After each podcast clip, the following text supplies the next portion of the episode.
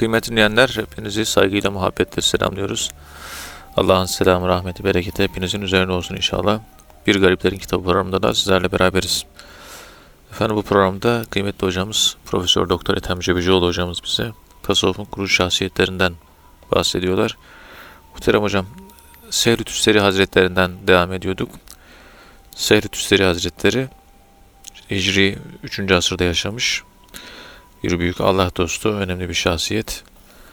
Şehri Tüsteri Hazretlerinin e, çok sayıda öğrenci ve müridi olduğunu görüyoruz. Şehri Tüsteri'nin en meşhur öğrencilerinden birisinin de Hallacı Mansur olduğu ifade ediliyor.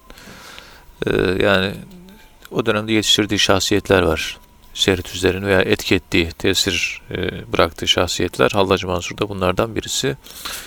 Dilerseniz buradan devam edebiliriz muhterem hocam. Yani bir alim zatın, arif zatın talebe yetiştirmesi ve geleceğe dair söz söylemesi de anlam ifade ediyor. Buyurun Sayın Hocam. Euzu billahi mineşşeytanirracim. Bismillahirrahmanirrahim. Elhamdülillahi rabbil alamin. Ve salatu ve selamu ala Resulina Muhammedin ve ala alihi ve sahbihi ecmain ve bihi nesta'in. Muhterem dinleyenlerim, hepinizi saygıyla, kalbi sevgilerimle e, selamlıyorum. Hürmetlerimi arz ediyorum. Es-Selef dönemi, yani Gazali'den önce yaşamış Allah dostlarının hayatlarını, fikirlerini, e, düşüncelerini, dünyalarını ve onların e, ruh kıvamlarını, düşünce kıvamlarını, akıl kıvamlarını, ahlak, iman kıvamlarını, bu kıvamları yavaş yavaş anlatmaya çalışıyoruz. Evet. Efendim, tabi her üstad gibi Sehli Tüsteri'nin de çok sayıda öğrencisi olmuştur. Evet. Kendisi ilmiye sınıfından. Pek çok eserleri var. Mesela Tefsirul Kur'an-ı Azim ki bu Türkçe'ye tercüme edildi. Evet. Ee, mevcut elimizde. Ee, 4-5 cilt herhalde var galiba öyle hatırlıyorum. Hatırımda kaldığına göre. Kıymetli bir tefsir. Efendim El muarada ve red ala ehlil firak ve ehlil da'avi vel ahval. Böyle sapık fırkalarla ilgili eseri var mesela. Risale fil huruf. Harflere dair bir risale. Risale fi hikem ve, ve tasavvuf. Yani hikmet ve tasavvuf konusunda bir risale. Menakibu ehlil hak ve menakube ehlillah. Allah dostlarının menkıbeleri, biyografileri.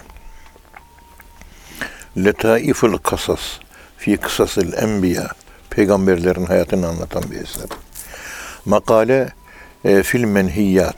Yasaklanan konularda Allah'ın nehyettiği konulara dair bir makale. Evet. İşte kelamu ve hatta Kelimatu Sehl ibn Abdullah et-Tüsteri e, kendisinin konuşmuş olduğu bir takım ifadelerin toplanmış olduğu bir kitap. Evet. Bunun haricinde 5-6 kitap daha var. Toplayınca bir 15 kadar, 16 kadar eseri e, olduğu kaydediliyor. E, bunların bir kısmı tabii kesin olarak ona ait mi değil mi tartışmalı Evet. oluyor. E, fakat kendisi özellikle özellikle ilmiye sınıfına mensup olması e, büyük önem arz ediyor. Evet. Tabi bir ilim varsa tasavvufun yanı sıra orada bir ışık da var demektir. Evet. Yani o ışığa ister istemez pervaneler uçar gelirler, etrafında dönmeye başlarlar. Ve bir ilim halakası oluşur. Meleklerin arşın etrafında yani aşkın etrafında döndüğü gibi pervaneler de ilim hidayet nurunun etrafında dönerler. Evet. Etrafında başta Hallacı Mansur olmak üzere pek çok değerli mutasavvuf yetişmiştir. Hallacı Mansur işte Sehlü Tüsteri'nin yanına geldiğinde yaşı 16'dır. Ve 18 yaşına kadar 2 sene ona hizmet etmiştir. İki yıl kalmış yani. Yanında kalmış ve ondan ilim okumuştur. Evet. Tabii eskiden bir gelenek Osmanlı'da da Selçuklu'da da böyle. İlkokula gitmeden önce 4 sene 4 ay 4 gün olunca çocuğa Kur'an-ı Kerim öğretilir. Ve çocuk 6 yaşına kadar veya 7 yaşına kadar Kur'an-ı Kerim'i ezberler ve o yaşta ezberlenen Kur'an-ı Kerim öylesine ki kafada çivi gibi kalır. Çivi gibi evet. Hiç çıkmaz. Mesela şöyle bir örnek ben görmüştüm. Mersin'de işte bir orada Akkuyu atom santralinde çalışan bir Türk mühendisi Karadenizli Oflu Evet. Oradaki mühendisler demişler ki tabi oftan da çok hafız çıkar. 6-7 yaşında, 8 yaşında hafız olur. Küçük yaşta. Genç yaşta hafız oluyorlar. Demir leblebi gibi unutmuyor. Kayaya Hiç- kazınmış yazı gibi yani. Tabii. Unutmuyor. Oradaki mühendis demiş ki ya ben hatimle kıldırayım size demiş. Nasıl olsa mühendisim ve buradayız Ramazan ayında hep beraber toplanalım beraber kılarız. O mühendis küçük yaşta ezberlemiş Kur'an-ı Kerim'i ve bir ay hatimle hiç yanılmadan Kur'an-ı Kerim'i hatim yapmak suretiyle teravih kıldırmış. Evet. Aradan bir ay geçtikten sonra falan Ramazan'dan sonra işte önüne işte Kur'an-ı Kerim'i koyduk. Ya şurada şu ayet-i kerime bir oku bakayım denildi kendisine. Ya ben okumayı bilmiyorum dedi. Allah Allah. Ama hafız. Ya nasıl olur? E sen hafızsın. Ya ben 6 yaşında öğrendim. Yaşım şunda 45-46. 46 40 sene geçti aradan. Ezbere bildiğim için elime Kur'an almadım. Almadığım için yazısını unuttum Kur'an-ı Kerim'in. Ama ezberimden de çıkmıyor demiş. Bak Allah. yazıyı unutmuş ve Kur'an-ı Kerim hafızasında Hafızadan çıkmamış. çakılı çivi gibi tak diye kalmış. Bu bir gelenek. Evet. Onun için böyle kreşlerde bazı efendime söyleyeyim e, STK'lar hafızlık kursu aç- açıyorlar. Bir Osmanlı geleneği, Selçuklu geleneği, Abbasi geleneği, eski efendime söyleyeyim İslam geleneği. Bu şekilde küçük yaşta çocukları hafızlamaya yönlendiriyorlar ve Afrika'ya gittiğimiz çoğu yerlerde de görüyoruz. Pek çok hafız yetişiyor. Evet. Tahtaya yazıyorlar. Ezberlenecek sayfayı önce yazıyor. Yani tahtaya yazdıkça beyne yazıyor. Ondan sonra hocasıyla beraber toplu olarak 40-50 kişi o sayfayı 3, 4, 5, 6, 7 defa okuyorlar. Yazma ve okuma yaklaşık bir buçuk iki saate alıyor Evet. yazıyor ve hocasıyla okuyor. Düzgün bir ağızla okuyor. Okuduktan sonra da hadi ezbere çalışın deniliyor. Kısa zamanda ezberletiliyor. Kısa zamanda ezberliyor. Evet. Bak yazmak, hocanın ağzından Kur'an-ı Kerim'i almak, ondan sonra yazıya bakarak ezberlemek. Demir leblebi gibi hafızlar çıkıyor. Bizde hafızlık çalıştırılırken işte Diyanet İşleri Başkanlığı'nda Kur'an kursları biliyorsunuz meşhur. Allah razı olsun pek çok hafız yetişiyor. Seviniyoruz. Mutlu oluyoruz. Allah'ın kitabına bir hizmet. Rabbim hepimize bu hizmeti nasip eylesin. Amin.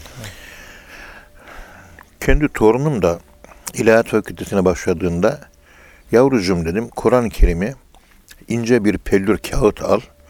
Her sayfanın üzerine o kağıtlardan bir tane koy. Hafız Osman hattı. Şeyh Hamdullah hattı. Onun üzerinden Kur'an-ı Kerim yaz. Hem kafanda kalır hem de yazın düzgün olur demiştim. Yani Kur'an-ı Kerim'i bir kere bir yazmak, baştan, Baştan sona, sona yazmak evet, lazım. yazmak lazım. Ve aynen daha önce gelmiş geçmiş bir ustanın e, yazmış olduğu Kur'an'ın kağıdının üzerine pelür, ince bir kağıt koyup o şekilde yazmak hem yazıyı düzeltiyor hem de zihne nakş oluyor. Hafızlık olmuyor ama nakış oluyor. Bereket oluyor. Ezberlemesi kolay oluyor. Ve yazmanın bir şeysi var yani. Nun vel kalemi ve ma yusturun var. İkra bismi rabbike diye halak da var. Yani kalem de var, karae de var, kaleme de var. Evet. İkisi de kafla başlıyor. Ne kadar ilginç bir şey. Afrika'nın çoğu yerlerinde o tahtalar üzerine yazılan ve kolaylıkla silinen o tahtalar mesela onlardan çok gördük. Onlar aklıma geliyor. Bizim hafızlar da hafızlığa bir sayfayı hafızlık yapmadan önce şöyle bir Kur'an-ı Kerim'in üzerine pelür kağıt koyacak. Bir kere yazacak. Evet. Bir yazdıktan sonra birkaç defa dinleyecek. Ondan sonra ezberine öyle oturacak. Direkt sıfırdan başlamak yerine. Çünkü bilincin daha derin katmanları var. Yani hafızlığa kalem yazarak el ile ilgili e, bilinç altında bir şekillenme oluyor. Elle yazdığınız için. Evet. Ondan sonra onun arkasında şekil bilinç yapısı meydana geliyor. Kur'an-ı Kerim ayetlerine paralel olarak, senkronik olarak. Ona da göz bakıyor. Gözle ilgili bir de hocasından duyuyor onu kulakla ilgili. Evet. Yani ağızla okumak, kulakla duymak, gözle görmek, elle. Dört yönlü olarak hafızla çalışmak hıfzı kuvvetli hale getiriyor. Bunun üzerinde e, bazı psikiyatrist arkadaşların çalıştığında duymuştum. Evet. Çok yönlü olarak. Ayet-i Kerime'yi önce bir manasını okuyun diyorlar. Ondan sonra yazın diyorlar. Ondan sonra kulaktan 3-5 defa dinleyin. Yatarken o ayet-i kerimeyi koyuyorsunuz kulağınıza, o sayfayı. Uyuyana kadar 5-10 defa dinleye dinleye uyuyorsunuz. Beyin tekrarlıyor. Uyandığınız zaman sabah namazını kılıp hemen oturun. Yarım saatte, bir saatte o sayfa ezbere alınıyor. Hmm. Bilinçaltı siz istemeden Tekrar ediyor yani. hep dikkat edin. İrade dışı hafızlık, istem dışı, istenç dışı, irade dışı kendiliğinden bilinçaltına, şuur altına yetişiyor. Evet. Yerleşiyor ve orada kalıyor ve Kur'an-ı Kerim'in ezberine çalıştığınız zaman o kalanlar hafızaya, belleğe, o limbik sisteme dahil olan hi- hipokampüs diyoruz. Orada bellekte toplanmasına yapılıyor. Hipokampüs de biliyorsun, e, biliyorsunuz şey, denizde bir deniz hayvanı var ya, Evet. deniz atı diyoruz. Küçücük, 10 santimlik. Deniz atının Latince adı hipokampüs. Hipokampüs. Çünkü o beynin o merkezi deniz atına benziyor şekil olarak. evet. Onun için deniz atı diyorlar o merkeze. Ve limbik sisteme dahil ve hafıza yani bellek orada yer alıyor. Orada yer alıyor. İşte orayı harekete geçirmek e, için mutlaka görsel etki, duysal yani duyma, işitsel etki, dokanmak yani yazarak etki, ağızda telaffuz ederek pronansiyel etki, dört etki ile okuyacağınız sayfayı kuşatıyorsunuz. Ondan sonra ezbere başladığınız zaman kolaylıkla hafızada kalıyor ve de unutulmuyor. Evet. Çünkü dört kademeli bir baskıdan geçmiş. Dört defa. Yani sayfa e, dört defa algı dediğimiz işte duyu organlarıyla dört algıyla beyne malzeme gönderilmiş ve e, bir kuvvetinde değil de dört kuvvetinde hafızaya nakış Evet. edilmiş. Mesela biz zikir çekerken bir örnek vereyim buna. Vücut çekerken hiç kımıldamadan zikir çekmek yerine sağdan sola, sağdan sola Allah, Allah diye bir beden hareketi yapıyoruz. Hareketle. Evet. Şimdi hareketsiz zikir devamlı zikirdir o en sonda. Seyri sülükün en sonunda elde edilecek. Ama başlangıçta dervişlerin bir beden hareketi yapması. Evet. Elindeki tesbihi böyle kalbine şöyle götürüp getirmesi. Musa Topbaş Efendi Hazretleri bana Cebeci Hoca dedi. Estağfurullah çekerken elinde tesbih, elini açacaksın. Yavaşça kalbin üzerine koyarak estağfurullah diyeceksin. Kolunu açacaksın bir daha estağfurullah diyeceksin.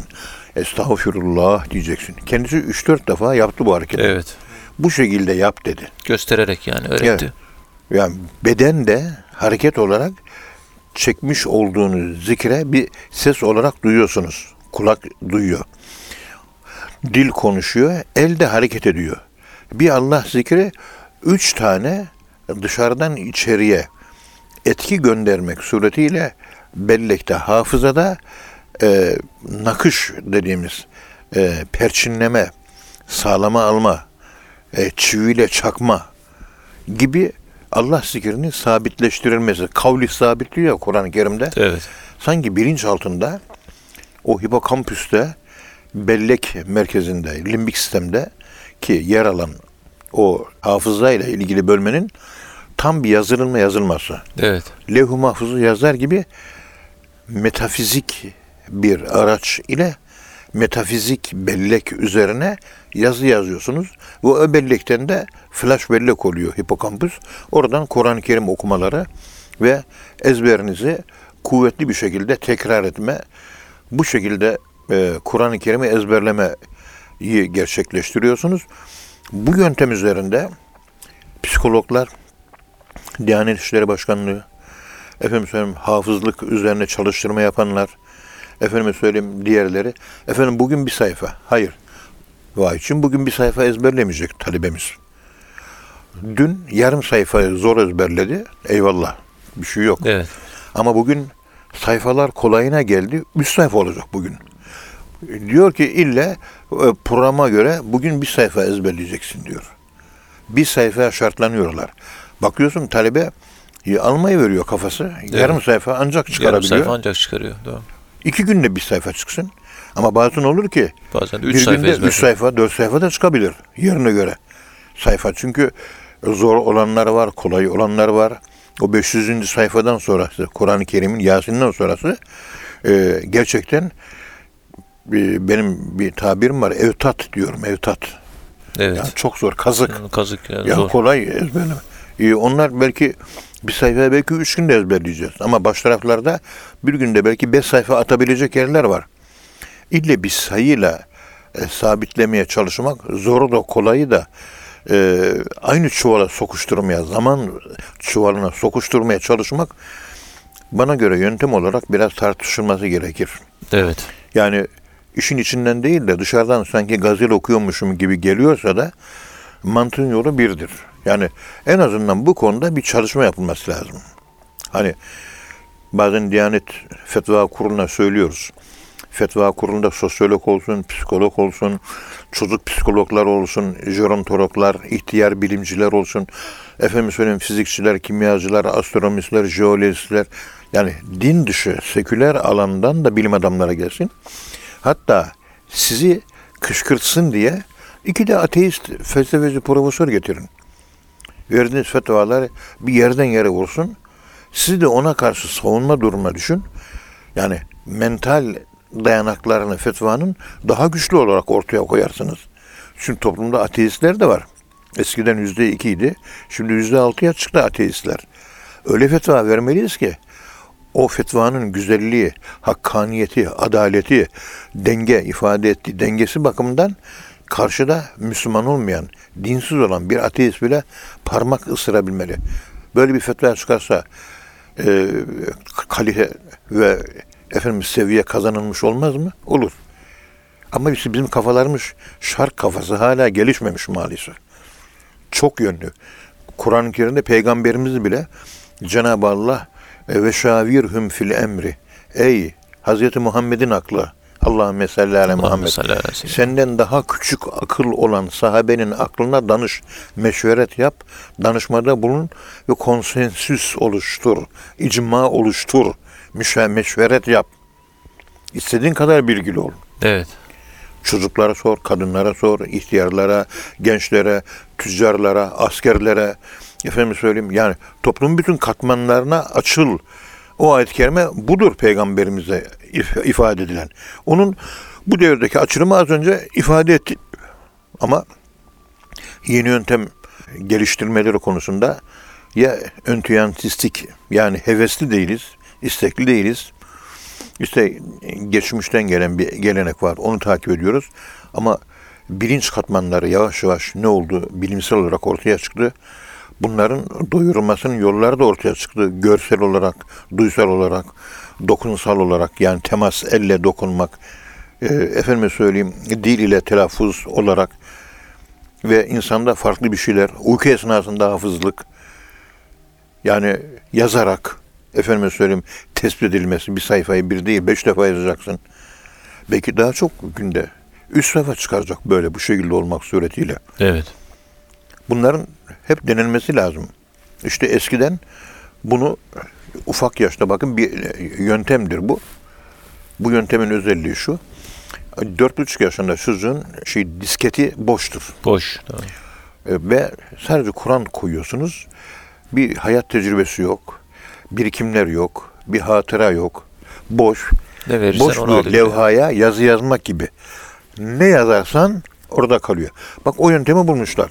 Evet. Peygamberimiz de biliyor. Dört sene, dört ay, dört gün iken başlayın diye bu şekilde peygamberimizin yaptığı uyarı bizi ta buralara kadar getiriyor mu? Getiriyor. Getiriyor. Ha. E peki bunlar nasıl olacak? Biz burada konuştuk. Nihayet basit bir radyo konuşması. Dinleyicilerin sayısı da belli ve mahdut. Mesela bunu ben burada söyledim. Evde işte senin kızın e, İmam Hatip Okulu son sınıfa gidiyor. Benim torunum İmam Hatip Okulu'na gidiyor. Evet. Gittiğimiz zaman ben torunuma yavrucuğum diyeceğim. E, sen de kızına kızcağızım diyeceksin. Bakara suresinin 42. sayfası açalım. Hadi yavrum bu sayfayı hızlı bir şekilde iki kere veya üç kere bir yaz. Yazdık. Ondan sonra e, ben okuyayım, benimle beraber de sen oku. Üç defa okuduk. Ondan sonra kulaklıkla da dinle, dinledik. Ondan sonra kendi başına yüksek sesle üç kere oku, okuduk. Ondan sonra hadi bakalım bir ezberle. Yazması, üç defa okuması, tekrar mekrar, üç saatte biter mi bu iş biter. Biter evet. Ondan sonraki ezber yani baltayı keskinleştirdik. Vurunca üç darbede ağacı devirebilir. Kendiliğinden ezberleyecek. Keskinleşmemiş baltayı yüz defa vurursun zor devrilir. Evet. Önce biz keskinleştirme işlemi yapıyoruz. Balta odu ağacı rahatlıkla keser. Bir, iki, üç vuruşta keser. İşte bu keskinleştirme ameliyatı. Deneyelim bakalım ne netice verecek. Evet. Evimize gittik. Bir hayatımızda ya böyle Ethem Hoca bunu anlatmıştı. Ben de denedim. Çocuğa dedim ki al sana 100 lira para. Hadi şu sayfayı aynen sayfanın üzerine bir kağıt koy. Alt alt üstten gözüküyor biliyorsunuz. Alttakini taklit ederek yaz. Hem de yazın düzen, Yazı düzgün olur. güzel, güzelleşir evet. Ve bir sayfa yaz. ikinciyi daha hızlı yazarsın. Bitti. Hadi beraber okuyalım. Okuyalım. Ondan sonra kendin oku. Okudu. İki defa da bir kulaklığından dinledi. Ondan sonra otur o sayfayı ezberle. O bir sayfanın ezberlenmesi bu şekilde benim şahsi kanaatime göre e, 4 say- saat ile 8 saat arasında değişir. Ve bu şekilde okursanız benim şahsi kanaatime göre bir günde 3 sayfa rahat ezberlenir. Ama yöntem geliştirmek meselesi Evet. ve Kur'an-ı Kerim'de 30 tane işte 600 sayfa diyelim. 3'e böl 200. 200 günde hafız çıkılır mı? Evet çıkar. Kar. ha. 200 günde hafız rahat çıkar. Ama bu, bu tür yöntemler benim bilebildiğim kadarıyla bu. Kendi bilgimin vusatı genişliği bu. Daha başka metotlar da olabilir. E, geliştirelim. Kur'an ezberlensin. Arapça, ilim, e, tefsir, fıkıh, hadis, günümüz bilimleri, iman, tasavvuf, Allah zikri, bütün her şey konusunda bir insanın gelişmesi ve e- bunun en başına da Kur'an-ı Kerim hafızlığının konması gerekiyor. Önce Kur'an ezberleniyor. Ondan sonra hayatımızda bütün ilimleri okuyoruz. Ama önce Kur'an-ı Kur'an. Kerim olacak. O da küçük yaşta olacak yani. İşte Sehli Tüsteri Hazretleri küçük yaşta hafız olmuş. Hallacı Mansur küçük yaşta hafız olmuş. Ve 6 yaşında bitiyor, ilme başlıyor hemen. Evet. Hallacı Mansur Sehli Tüsteri'ye geldiği zaman anlıyoruz ki en az 10 senenin beri ilim tahsili yapıyor. Evet. Birikimli bir şekilde gelmiş. Çünkü Sehli Tüsteri çok ağır tasavvufi dersler veriyor. Ve 16 yaşındaki çocuk metafizik düşüncesi, metafizik düşünme kalıpları beyninde o kadar gelişmiş ki anlayabiliyor. Evet. E bu devirde İlahiyat Fakültesi son sınıf öğrencilerine ben Sehli Tüsteri'yi anlatamıyorum. Demek ki o zamanlar Kur'an-ı Kerim'le başlayan bir eğitim hayatı insanın beyninin bütün hücrelerini harekete geçirir.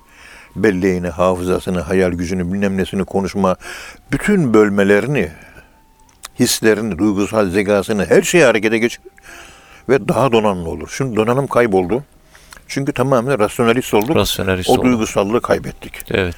İnşallah Cenab-ı Allah bundan sonrasını e, bu konuda araştırma yapanlara allah Teala yön ve yöntem gösterir de ona göre hafızların, Kur'an'ı anlayanların ve yaşayanların sayısı artar. Amin. Ve toplumun huzuru da Allah'ın çizmiş olduğu bu e, plana göre gerçekleşirse dünya ahiret saadeti ve toplumun saadeti ve bireysel saadet, kolektif saadet kendiliğinden yaygınlaşır. Cenab-ı Allah muvaffak kılsın. Amin amin. Allah razı olsun. Kıymetli dinleyenler programımızın birinci bölümünün sonuna geldik. İkinci bölümde tekrar birlikte olacağız inşallah. Efendim şimdi kısa bir ara.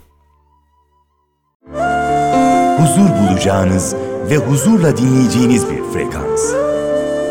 Erkam Radyo, Kalbin Sesi.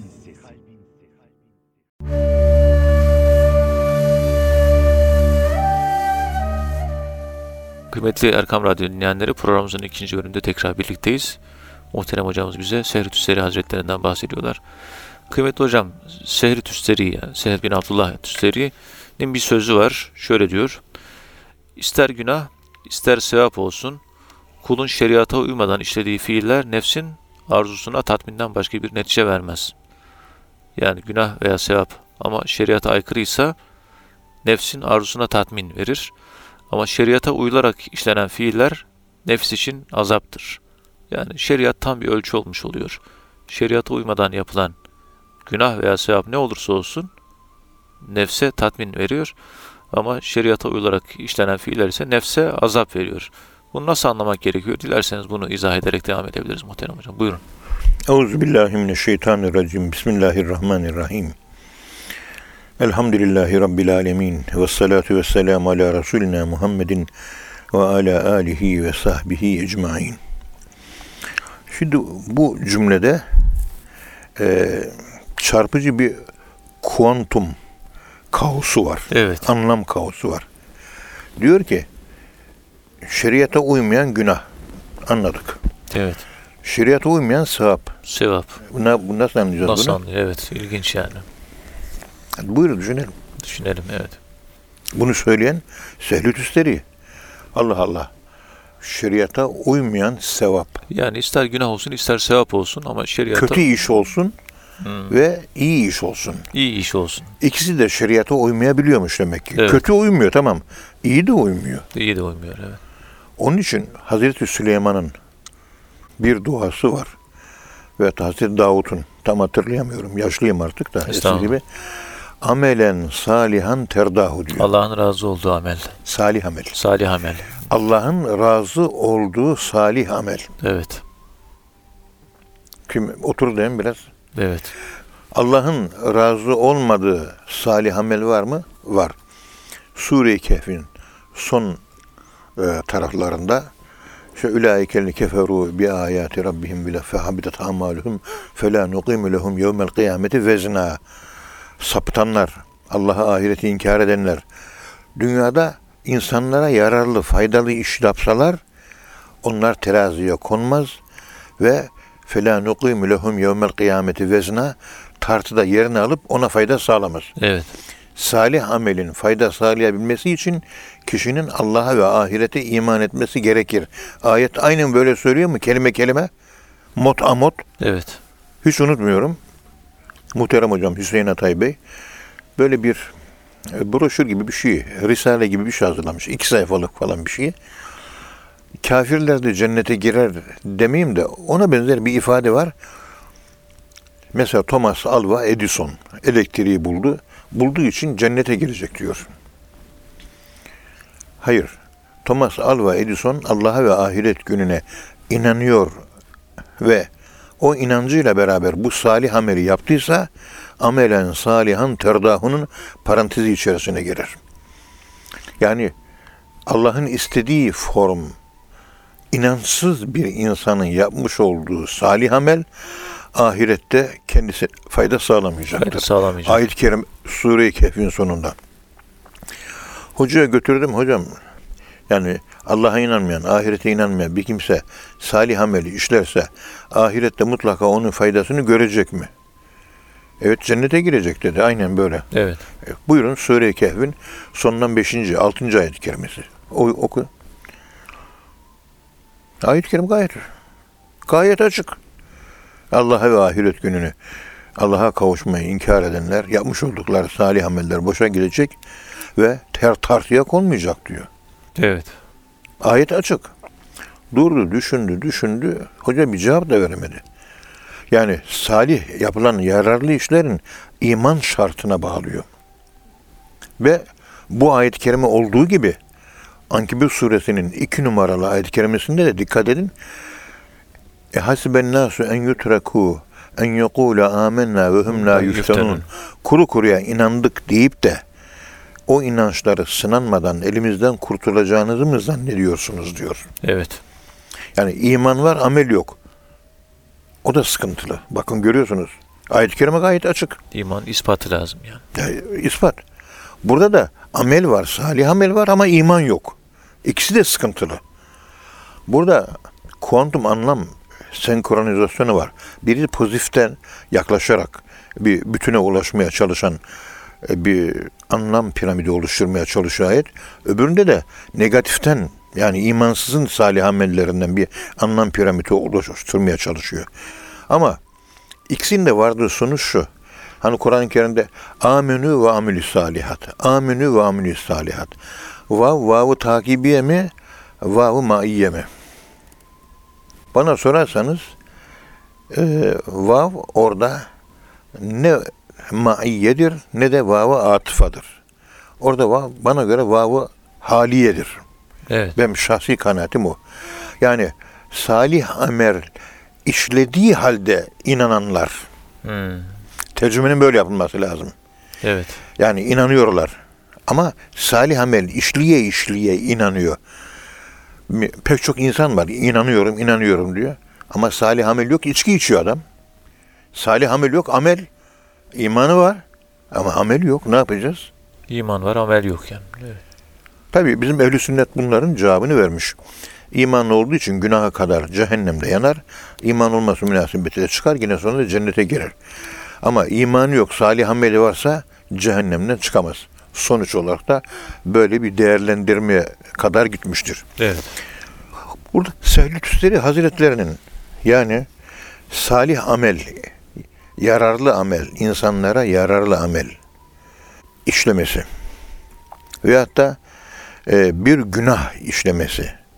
Günah ve sevap konusunda kriter olarak kul şeriatı kabul etmezse ölçüt olarak şeriatı iyi ve kötü konusunda iyi kötü niye göre iyi, kötü niye göre kötü? Benim aklıma göre mi? Yok Kur'an-ı Kerim'e göre. Kur'an-ı Kerim'e göre. Allah'ın iyi dediği de iyidir, kötü dediği de kötüdür. Bugün insanların aklına iyi ve kötü ölçü olarak insanların aklı tayin edilse, insanlar iyi ve kötü konusundaki kriterleri, ölçütleri e, bulunduğu e, zeminden kaydırırlar ve farklı bir ana aktarırlar değil mi? Evet. Ve e, ortaya bir kaos çıkar. Kaos çıkardı. Kur'an-ı Kerim iyi ki var ki bizim Allah tarafından belirlenmiş iyilikler mutlak iyilikler. Onun için Mevlid-i Nas'ta iştihada mesa yoktur. Bir konuda Allah bir e, hüküm varsa, verdiyse, varsa evet. e, bir hüküm koyduysa o konuda müştehitler acaba bunun karşıtı olabilir mi? Bazen mesela öyle oluyor ki şöyle söyleyelim. İşte susuzluktan öleceğiz. Ölecek bir kimse ölmeyecek kadar bir bira buldu. İçer mi içmez mi? İçecektir. Tamam. Ölme- ölmeyecek kadar. Ölmeyecek kadar içecektir.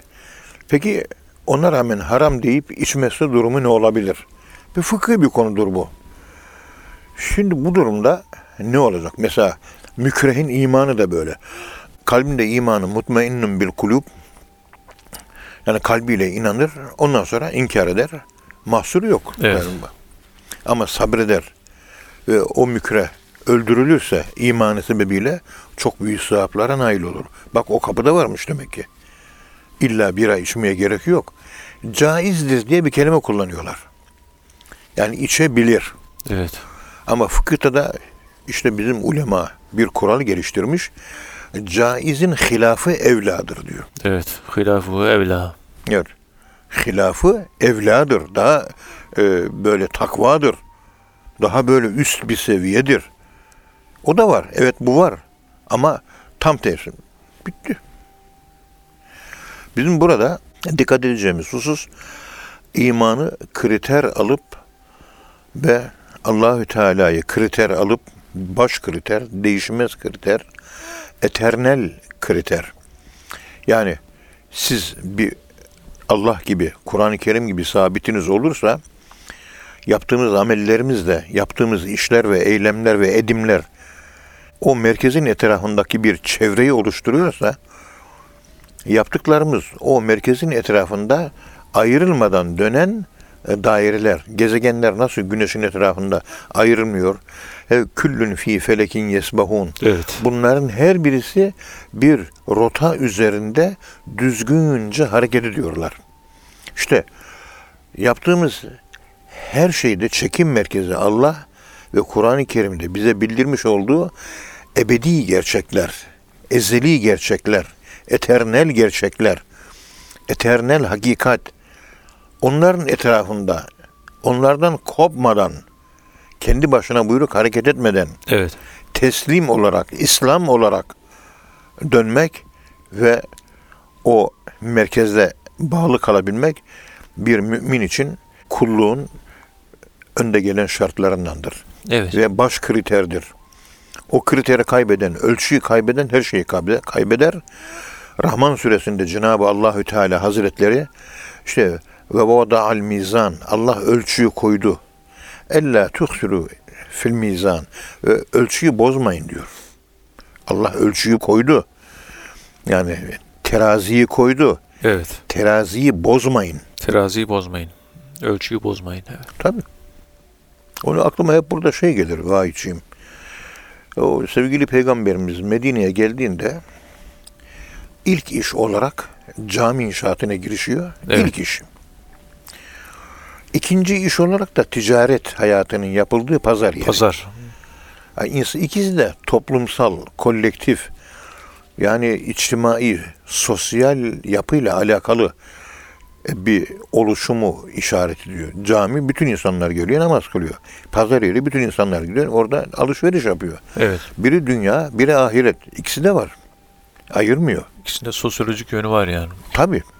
Hatta Osmanlılar'da, Selçuklular'da, Emevilerde, Abbasilerde yeni bir yere fethedildiği zaman önce cami yapılıyor. Mahalleler, sokaklar cami etrafında şekilleniyor. İşte Ankara camilerini ben 2000 senesinde çalıştım. Kanal A'da program olarak yayınladık. Ankara'da mahalle sayısı Osmanlı zamanında vahidçiyim 78 tane. 78 tane mahallenin Ankara'da eski Osmanlı Ankara'sı 15 bin nüfuslu 78 mahallenin her biri cami adıyla anılıyor. Direkli Camisi Mahallesi Mescit veya ve mescid. Direkli Mahallesi diyor. Direkli, bakın Direkli Camisi var. Evet. Kayabaşı Mahallesi diyor. Kayabaşı Camisi. 1985 senesinde e, İbn Kemal Sempozyumu oldu Tokat'ta. Oraya gittik. E, şeyden Dil Tarih Coğrafya Fakültesinden iki tane doçent arkadaş Tokat'ın şehirleşmesinin ana karakteristiği nedir? Bununla ilgili tebliğ sundular belgelere dayanarak. Evet. Tokat'ın tamamı hep e, aynı, aynen Ankara'da olduğu gibi merkezde cami, kenarında mahalle. Mahalle o caminin adıyla anılıyor. Ve bütün mahallelerin adı camiyle anılıyor. Evet. Bunu bizim düşünmemiz lazım. Yani cami, Cami, cami merkez- merkezde, merkez- mahalle, pazar ona pazar göre oluşuyor. e, ve evler ve pazar onun etrafında. Medine'ye gelince önce cami, ondan sonra pazar yeri. Evet. Peygamberi sallallahu aleyhi ve sellem bana bir yer Medine'ye gezdirin de Yahudilerin alışveriş yaptığı yerden alışveriş yapmayın. Faize bulaşırsınız diyor. Yani faiz geç o zaman da haram değil ama yani pek hak, adalet görmemiş peygamberimiz. Evet. Hadis onu da gösteriyor. Müşrikler de diyor aynı şekilde ticari konularda kul hakkına fazla riayet etmezler. Ben size bir yer belirleyeyim, orayı pazar haline getirin ve o pazar yerinde alışverişinizi yapın diyor. Gezdiriyorlar sevgili peygamberimizi sallallahu aleyhi ve sellem efendimize. Peygamberimiz gide gide bugünkü Medine'deki mescidin kıbleye durduğumuzda sağ tarafında Mescid-i Nebevi'nin 100 metre dışarısında yaklaşık 100 metre dışarısında bir eski bir mezarlık. O mezarlığın önünde boş bir alan var. Burası pazar olsun diyor. Evet. Ve orası pazar olarak Peygamberimiz tarafından belirlenince sahabe-i kiram ister istemez burada mezar, şurada pazar. Evet. Mezar ve Burada pazar. pazar, şurada mezar. Peygamberimiz fiili olarak yaptığı tebliğ burada şu. Ey müminler, bakın ey inananlar. Sizin hemen mezarın önüne pazar yeri kurmamı merak ediyorsunuz değil mi? Anlatıvereyim. Şimdi bu pazar yeri hayatı temsil ediyor. Hayat canlı. Bitişiğindeki mezar da ölümü, kabirleri, ahireti hatırlatıyor. Ve ikisini biz birleştirdik. Tevhid dini ya. Zıtlar, kuantum, kader, bilinmezlik e, ilkesi doğrultusunda artının eksiyle birleştirilmesi ve hakikatin ortaya çıkarılması gerekiyor. Zıtların birleştirilmesi, tevhid, ilahe ile Allah'ı birleştiriyoruz kelime-i tevhidde. Birisi ilahe, öbürü Allah. Birine la muamelesi, yani nefi muamelesi yapıyoruz. Öbürüne illa ispat muamelesi yapıyoruz. Şimdi siz teraziyle o hurmayı tartarken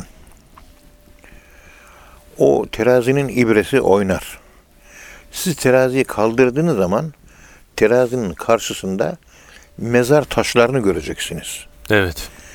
Terazinizi tartarken size ahireti hatırlatan mezar taşlarını gördüğünüz zaman o teraziniz doğru mu tartar, yanlış mı tartar? Doğru tartardı. Ahireti hatırlattığı için o mezar taşları terazi doğru tartar. Terazi şaşmaz. Evet. Şimdi mezarlıkları şehirlerin 20 kilometre dışına attık. Her yerde böyle. Şehir içinde mezar kalmadı. Kimse görmesin diyor yani mezar. Ahireti hatırlamak istemiyor modern insan. Avrupa'da öyle yapılıyor. Biz de onlara uyduk. Peşlerinden gidiyoruz. Evet. Bindik alamete gidiyoruz kıyamete. Mezarlarımız gözden uzaklaştığı için şehrin içinde terazimiz, hayat terazimiz, eğitim terazimiz, ekonomik terazimiz, siyasi terazimiz, sırf ticaret değil. Pek çok teraziler var. Terazilerimiz Şaşıyor. şaşıyor değil mi? Evet. Ya, ahireti ve ölümü unuttuk. Ahireti ve ölümü unuttuğum için terazilerimiz artık düzgün tartmıyor. Dünya merkezi oluyor. Para merkezi oluyor. Ölüm değil. Şaştı. Evet. Şaşmıştır. Yani bizi hizaya getiren ölüm duygusu. Yani e, insanların efendim söyleyeyim üzüntüye sevk eden ölümü her gün sık sık hatırlayın. Sık sık hatırlayın buyuruyor Efendimiz. Ve ahiret bilinci keskinleşsin, o bilinç güçlensin. Günlük yaşamınızda, günlük hayatınızda e, bir takım yanlışlara düşmeyin. Size fren olsun. Fren olsun. Bu Evet. dünya geçici.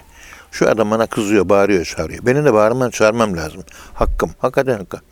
Ya bakıyorsun mezara, bakıyorsun ahirete, bakıyorsun Allah'a, bakıyorsun efendim söyleyeyim kabre, bakıyorsun cenneti cehenneme, bakıyorsun hesap yerine, bakıyorsun sıra kübüsüne, aklına bunlar gelince neyse geç diyorsun. Ve izâ khâtebehumul cahilûne gâlû selâma. Böyle cahilleri görünce ya sen haklısın kardeş, ben de haksızım, hadi eyvallah deyip tebessüm et ayrıl diyor. Evet.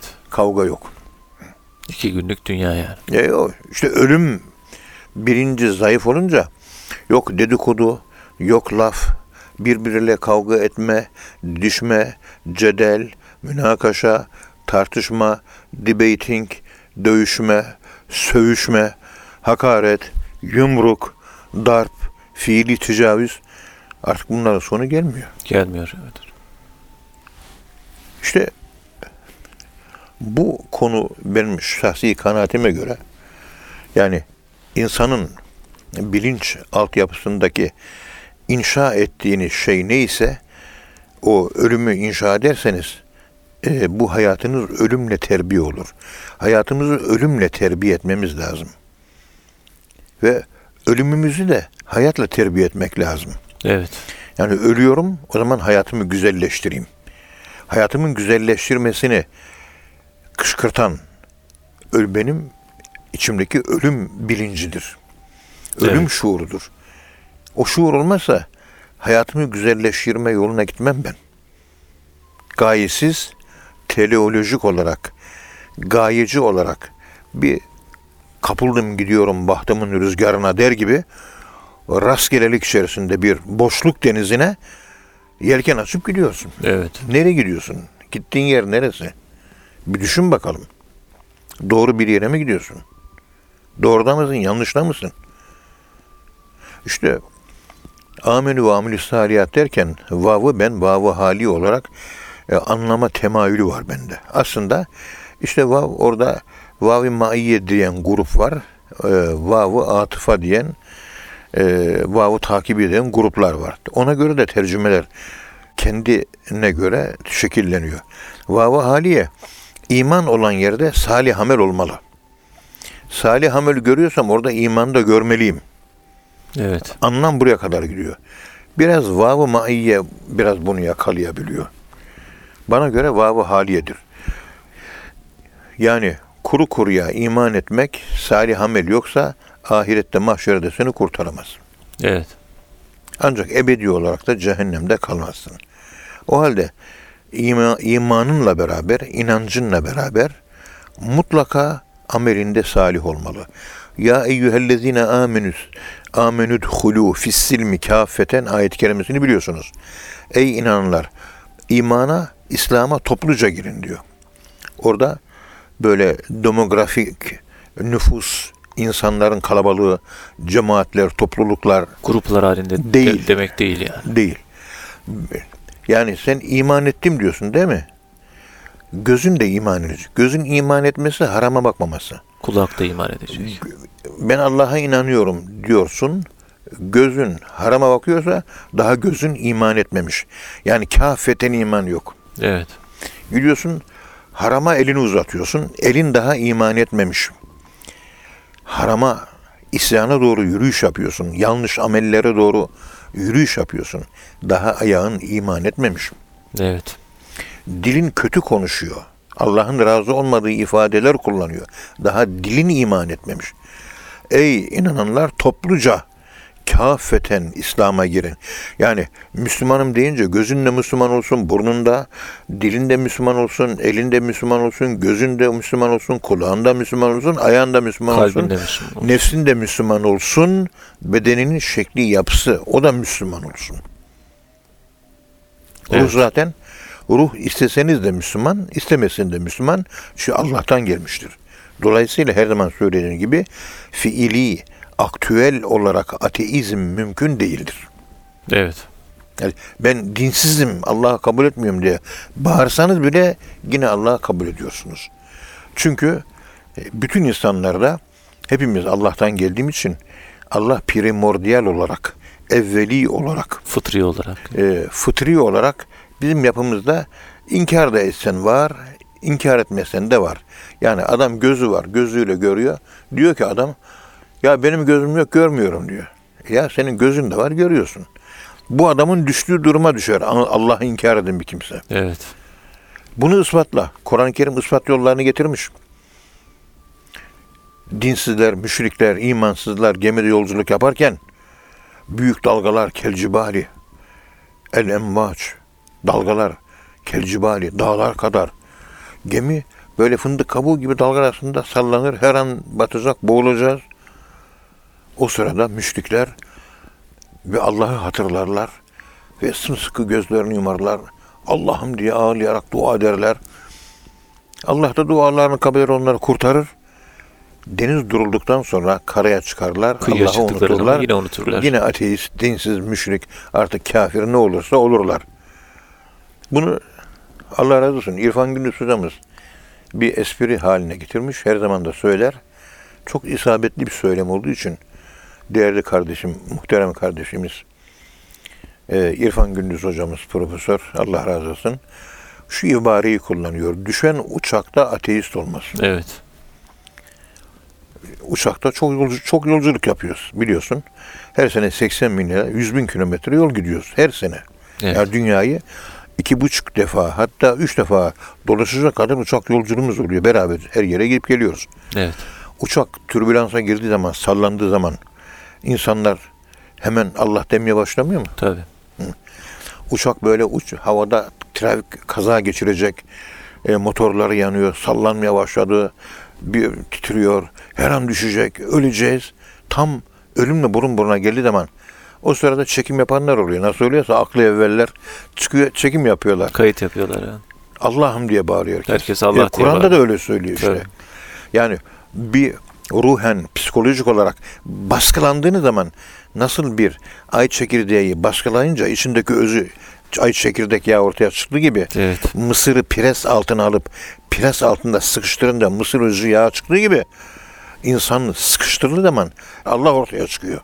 İşte ateist olamayışımızın arka planını anlatmaya isteseniz de olamazsınız diye konuşmamın arka planında bu anlatım var. Evet. Düşen uçakta ateist olmaz. Evet hocam Allah razı olsun. Kıymetli dinleyenler hocamıza çok teşekkür ediyoruz bu vermiş olduğu bilgilerden dolayı. Efendim bir programın daha sonuna geldik. Bir sonraki programda tekrar buluşuncaya dek hepinize Allah'a emanet ediyoruz. Hoşçakalın efendim.